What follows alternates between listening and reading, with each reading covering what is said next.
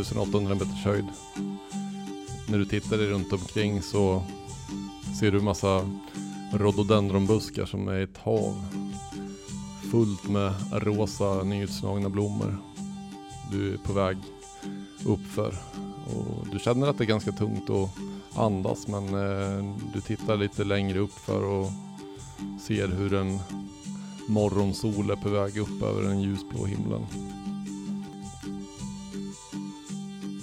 När du tittar ännu högre upp så ser du hur vitklädda toppar börjar omge dig mer och mer. De går från 5000 meter upp till 6000 meter, upp till 7000 meter och 8000 meter. Och till slut får du nackspärr av hur högt upp du får titta för att se dem. Runt omkring dig så går det olika kärpas och barnleker och doftar blommor och kryddor och ja. Jag låter dig supas in lite grann och fortsätter att lyssna lite grann på instrumenten från den nepalska landsbygden.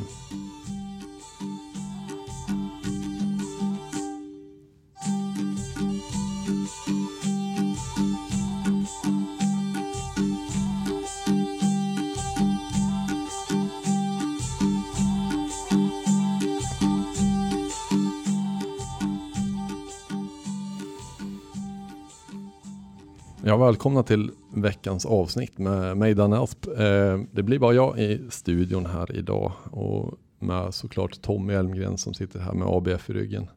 Som vi brukar säga och nu kanske ni undrar varför fan sitter han och pratar om berg i Nepal. Och ni som har följt oss ett tag vet att jag var iväg på en resa här i våras. Nu kommer inte det här bli ett avsnitt som ska handla varför, jo varför, men inte om min resa enbart utan kanske varför bestämmer man sig för att åka dit och, och vad ligger bakom det.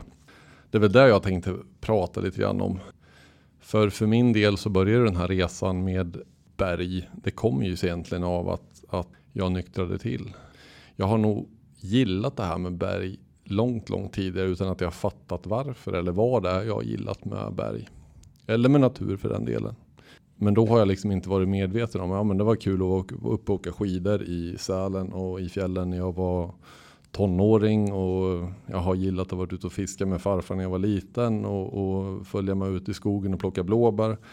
Det har liksom gett mig någonting, det har jag tyckt varit kul. Men det har liksom legat på den nivån att det har varit kul. Men sen jag kom in i tolvstegsprogrammet och i och med nykterhet så, så började det väl hända andra saker med mig. Jag förstod någonstans där att när jag hade kommit en bit i första steget, det här att erkänna att jag var alkoholist och att jag inte kunde kontrollera mitt liv eller hantera mitt liv som det heter, så, så kom ju andra steget där att vi kom till tro på att en kraft starkare än vår egen kunde återge oss vårt förstånd. Och för mig, liksom med många, många andra, så tog det lite stopp där. Vad, va, va fan är det här nu? Någon sekt tänker jag inte gå med på och jag är absolut inte religiös och troende och eh, jag fick jävligt svårt helt enkelt. Och ska lösningen nu på mitt problem som jag är tvungen att sluta med eh, ligga på någon fruktansvärd gud som jag inte alls tror på. Så ja, det, det sket sig rätt rejält där i mitt huvud. Men nyfikenheten, jag har pratat mycket om nyfikenhet i den här podden och jag kommer fortsätta göra det, gjorde väl ändå att jag var lite mer nyfiken än rädd på. För att jag fattade att jag kunde inte gå tillbaka till något drickande utan okej, okay, vi får börja prova det här.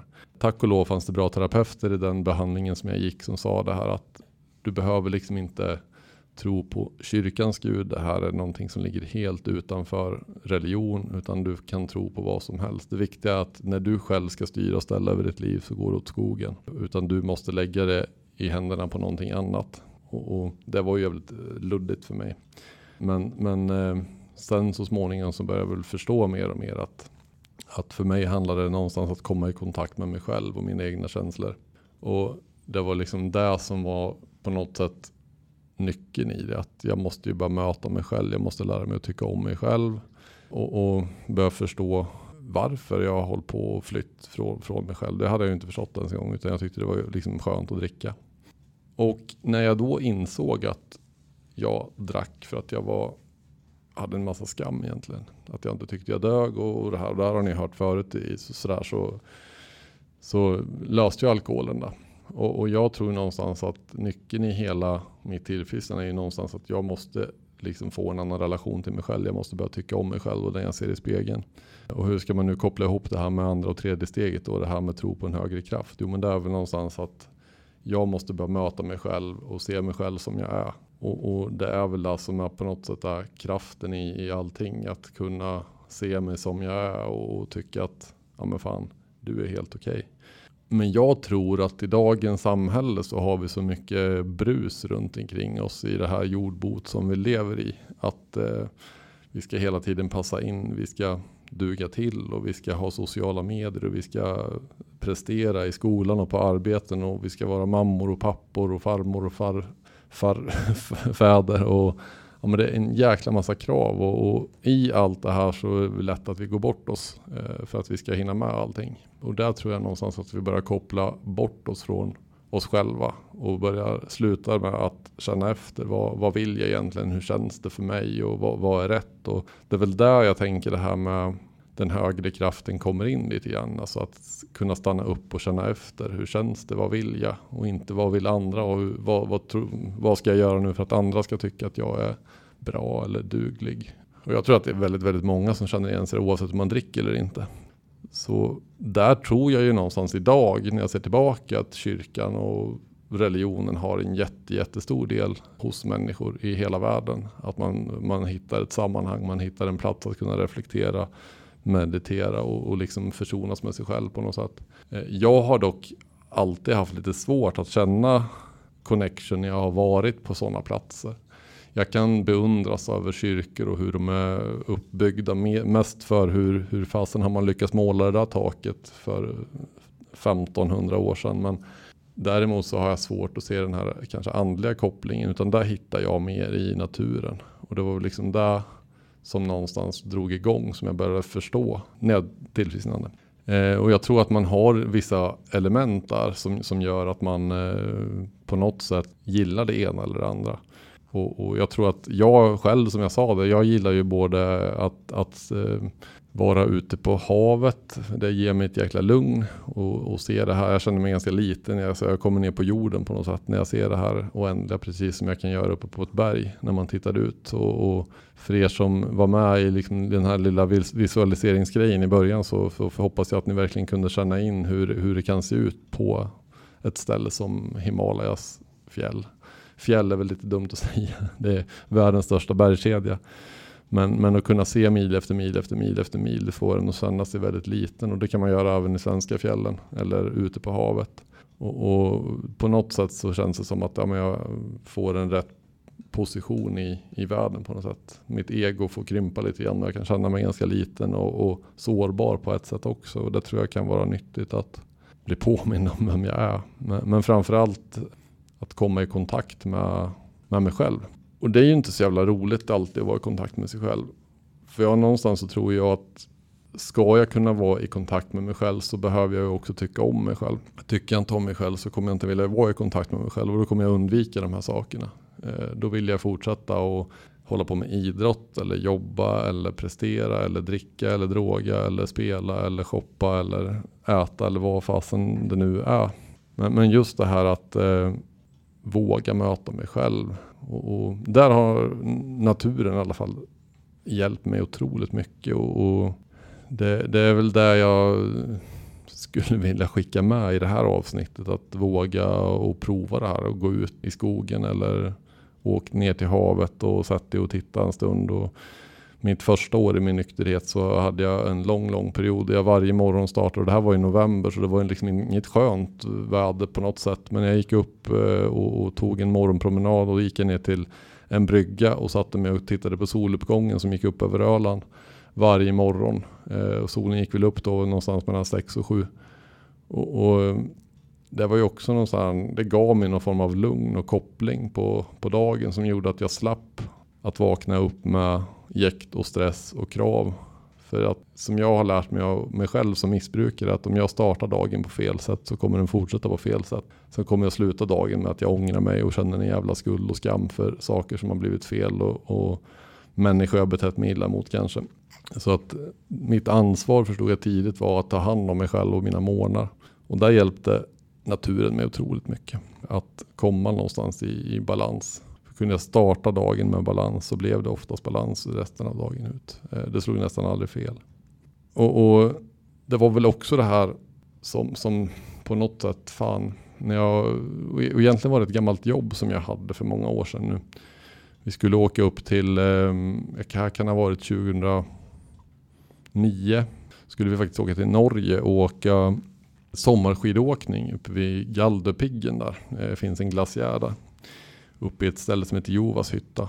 Eh, och en helt magisk eh, husbilsresa. För, alltså där kan man snacka om naturskön miljö. Eh, den delen av Norge så har ni inte varit där så åk dit direkt kan jag säga. Men, men skitsamma, när vi kom ur den här husbilen, vi hade suttit i många, många timmar, så hade jag en eh, kille som jag eh, känner väl idag fortfarande. Vi är fortfarande väldigt nära. Och eh, det är väl en hälsning till dig också. Du vet vem du är. Den här killen hade då jävla rastlöshet och energi i kroppen och hade suttit i den här jävla bussen hur länge som helst. Och, och när vi kom upp på det här fjället och tittade ut över de här eh, topparna som var där så, så han behövde ju rastas och, och jag var likadan. Och vi började gå så vi gick ju i flera timmar redan när vi kom fram där väcktes det någonting gammalt i liv som inte jag hade fattat. Liksom just det här med berg. Då. Att, så där, det är väl liksom där jag fattar att ja, men bergen är ju mitt element. Det är där jag trivs som allra bäst. Det är där jag verkligen tycker om att göra det. Där jag får energi. Och så var det nog med honom också. Vi gick fasen kilometer efter kilometer och kollade på fjällripor och allt möjligt så. Men det är någonting visst med, med bergen och med eh, utsikterna som jag ja, det passar nog min personlighet rätt bra. Och sen har vi ju nämnt tidigare en avsnitt eh, att jag och Jeppe hade någon sån jävla missbruksidé redan när vi träffades. Så att ja, men om ett år ska vi upp för Kebnekaise, om fem år ska vi upp för McKinley och om 20 år, eller 10 år ska vi upp för Mount Everest.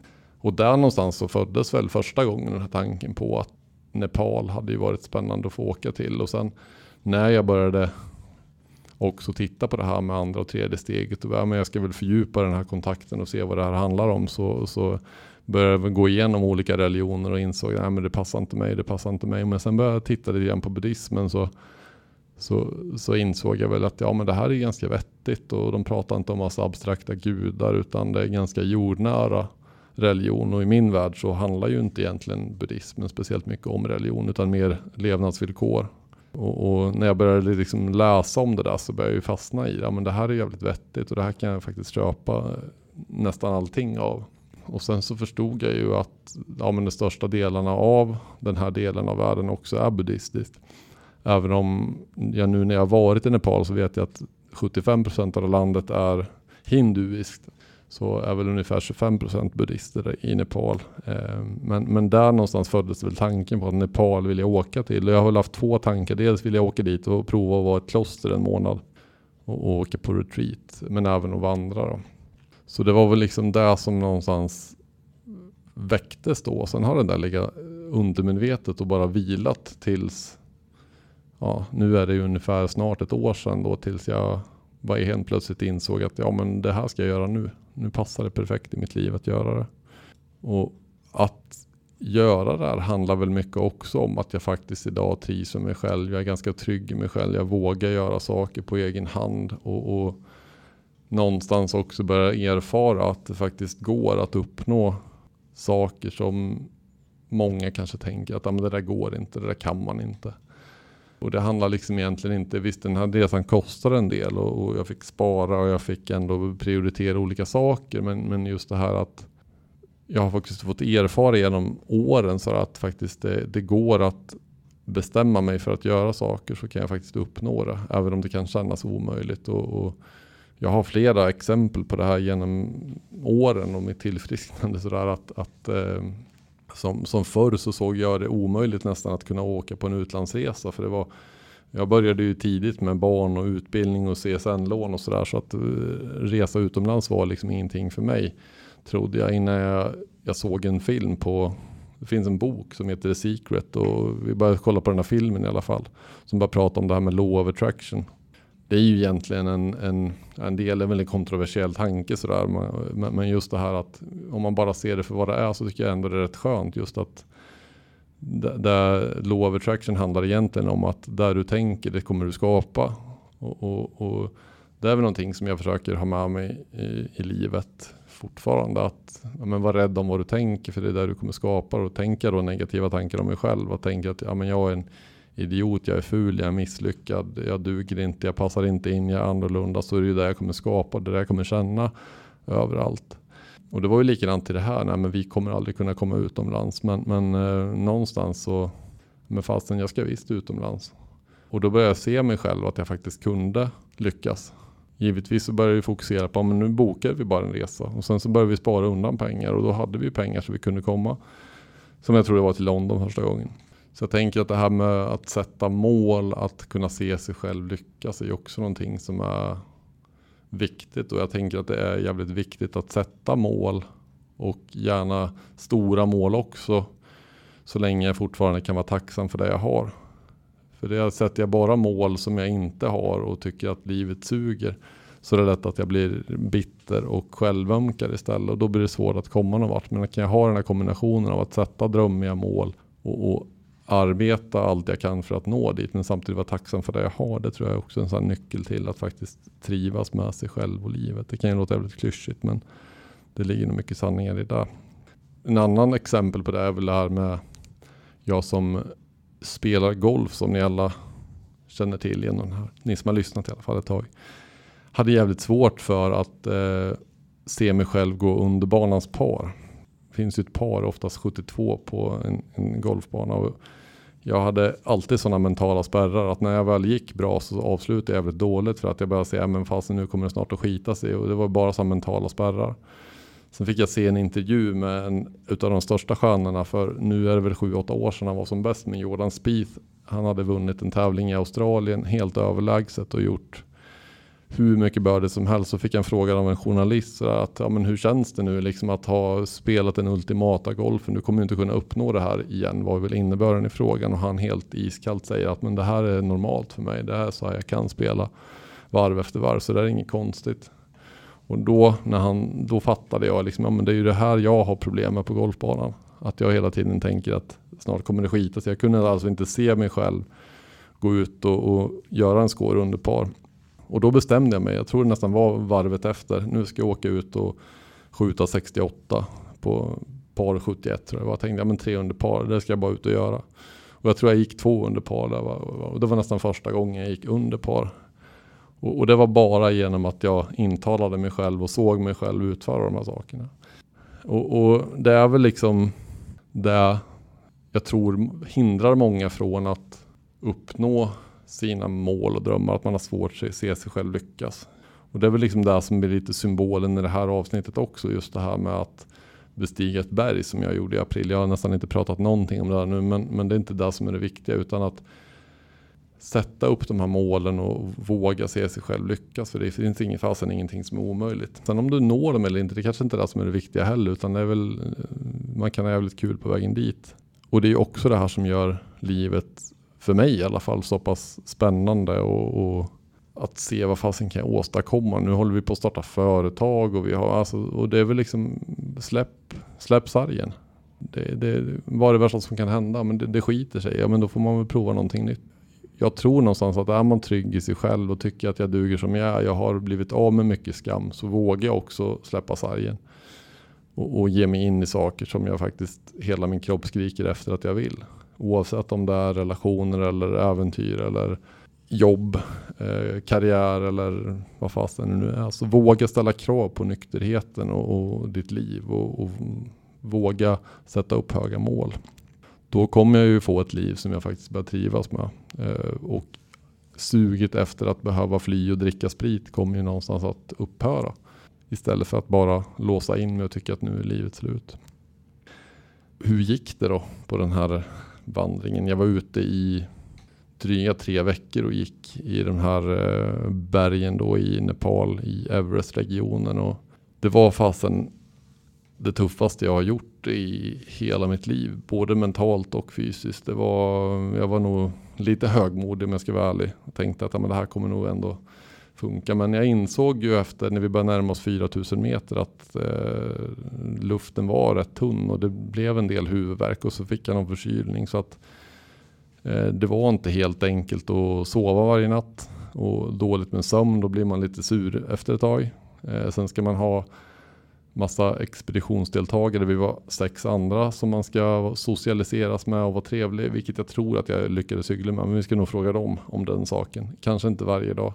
Men, men det var ju också fysiskt ansträngande. Det var verkligen att när vi började närma oss 5000 meters eh, bestigningar, vi skulle upp över vissa pass där uppe, Renjola pass och Shola pass som, som två av dem då hette exempelvis, så var det extremt brant. Och, och att gå upp för på den höjden var verkligen fem steg och sen hämta andan. Eh, det finns ungefär en tredjedel av syret på den höjden. Och, och, med lite halvknackig sömn och lite förkylning på det så, så var det lätt att börja ifrågasätta vad jag höll på med.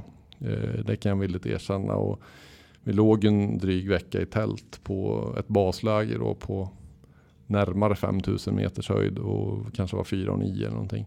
Och ingenting är speciellt skönt att göra på den höjden för det påfrestar kroppen bara att gå på muggen. Eller äta eller vad det nu än är.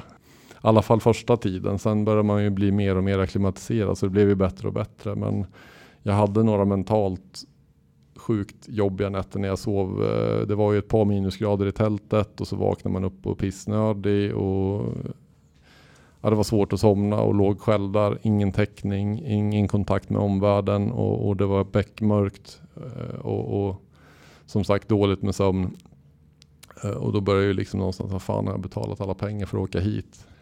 Men eh, sen när vi väl satte av mot Lobors Peak som var mitt slutmål med den här resan egentligen att försöka nå det här berget på 6119 meter så eh, vaknar vi ju upp klockan ett på natten och, och, alla är ju taggade nu för nu ska vi göra det och det var bra väder. Eh, det var ju kolsvart såklart när vi gick upp men en stjärnklar himmel i Himalayas berg och med Everest och alla andra berg som bakgrund så, så eh, kan jag säga att man är taggad även fast det tar emot också. Men den häftigaste känslan var nästan när vi stod på 5700 meter kan jag tippa att det var ungefär. Och, och vi stod ju vi fastkopplade i rep. och Det är väldigt brant stegen är på och det är verkligen att ha höftböjar kliv uppför eh, och sådär. Så det är tre, fyra steg och sen får man hämta andan. Men när solen börjar gliva upp så blir det ett kristallklart blått sken som ligger över alla topparna. Och sen då få se Makalu, Shoyo, Lotse, Nuptse, Everest i en panoramabild med en kristallblå himmel. Fick nog när jag tittade på mina expeditionskollegor så liksom det rann en tår i allas ögon. Eh, och det var någonstans där, okej. Okay. Nu vet jag precis varför jag är här. Eh, och, och, det var liksom, jag får gåshud igen nu när jag pratar om det. För det, det är en sån minne jag alltid kommer ha. Den soluppgången var nästan häftigare än själva toppkänslan på ett sätt. Vi var väldigt överväldigade att vi faktiskt tog toppen sen då. Eh, vi alla kom upp och det var kul för man kommer ganska nära varandra när man bor ihop en månad. Och att hela gänget, vi var ju sju stycken plus eh, fyra guider som, som eh, tog toppen. Och det var klarblå himmel och fantastiskt eh, vackert. Och, och, just den här känslan att stå då, jag tror klockan var halv åtta på morgonen, jag tror det tog en sju timmar för någonstans för att eh, nå den. Då. Eh, helt utmattad. Jag har sprungit maraton innan jag har åkt Vasaloppet och, och grejat och haft mig. Men både mentalt och fysiskt så var det nog trots allt ändå det jobbigaste jag gjort. Men få da, den belöningen med den utsikten där uppe, den, den var ju överväldigande och det var svårt att hålla tårarna tillbaka såklart. Så, så en spännande resa kan jag säga, både andligt med mig själv, att få möta mig själv i olika nya situationer med nya människor, men, men att få, få se allting med egna ögon. Nu kommer väl många undra så här, vad blir nästa projekt? Jag har många frågor sedan jag kom hem, men jag känner mig ganska mätt just nu och har andra liv eller mål i livet istället. Så, men jag kommer säkert komma tillbaka till Nepal för ett fantastiskt land och, och underbara människor. och det finns många andra delar av Nepal att se. Men jag tror att jag är ganska färdig med, med toppbestigningar. Så det är 6119 får nog stanna för min del. Sen vet jag att en del säger, ja det där säger du nu, vänta bara. Vi, vi får väl se om Mount Everest ligger där framme någon gång.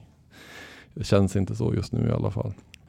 Men det var nog det jag hade tänkt att prata om det här eh, avsnittet och jag tackar så jättemycket för att ni har lyssnat. Och det jag vill skicka med egentligen det är ju just det här att eh, vi har ju någonstans ett liv och det är jävligt synd att bara kasta bort det livet vi har på att vi går och tycker illa om oss själva och skäms och tycker att jag är annorlunda och utanför och inte är som jag ska helt enkelt. Utan eh, börja se det ni vill eh, det ni vill åstadkomma och börja sätta upp mål och, och gör det. Så kommer livet att bli som ni tänker. Det kan jag skriva under på. Så får ni ha en väldigt, väldigt fin vecka och en fortsatt bra sommar så hörs vi. Puss och kram på er.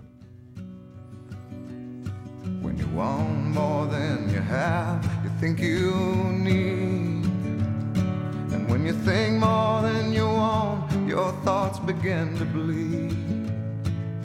I think I need to find a bigger place. Cause when you have more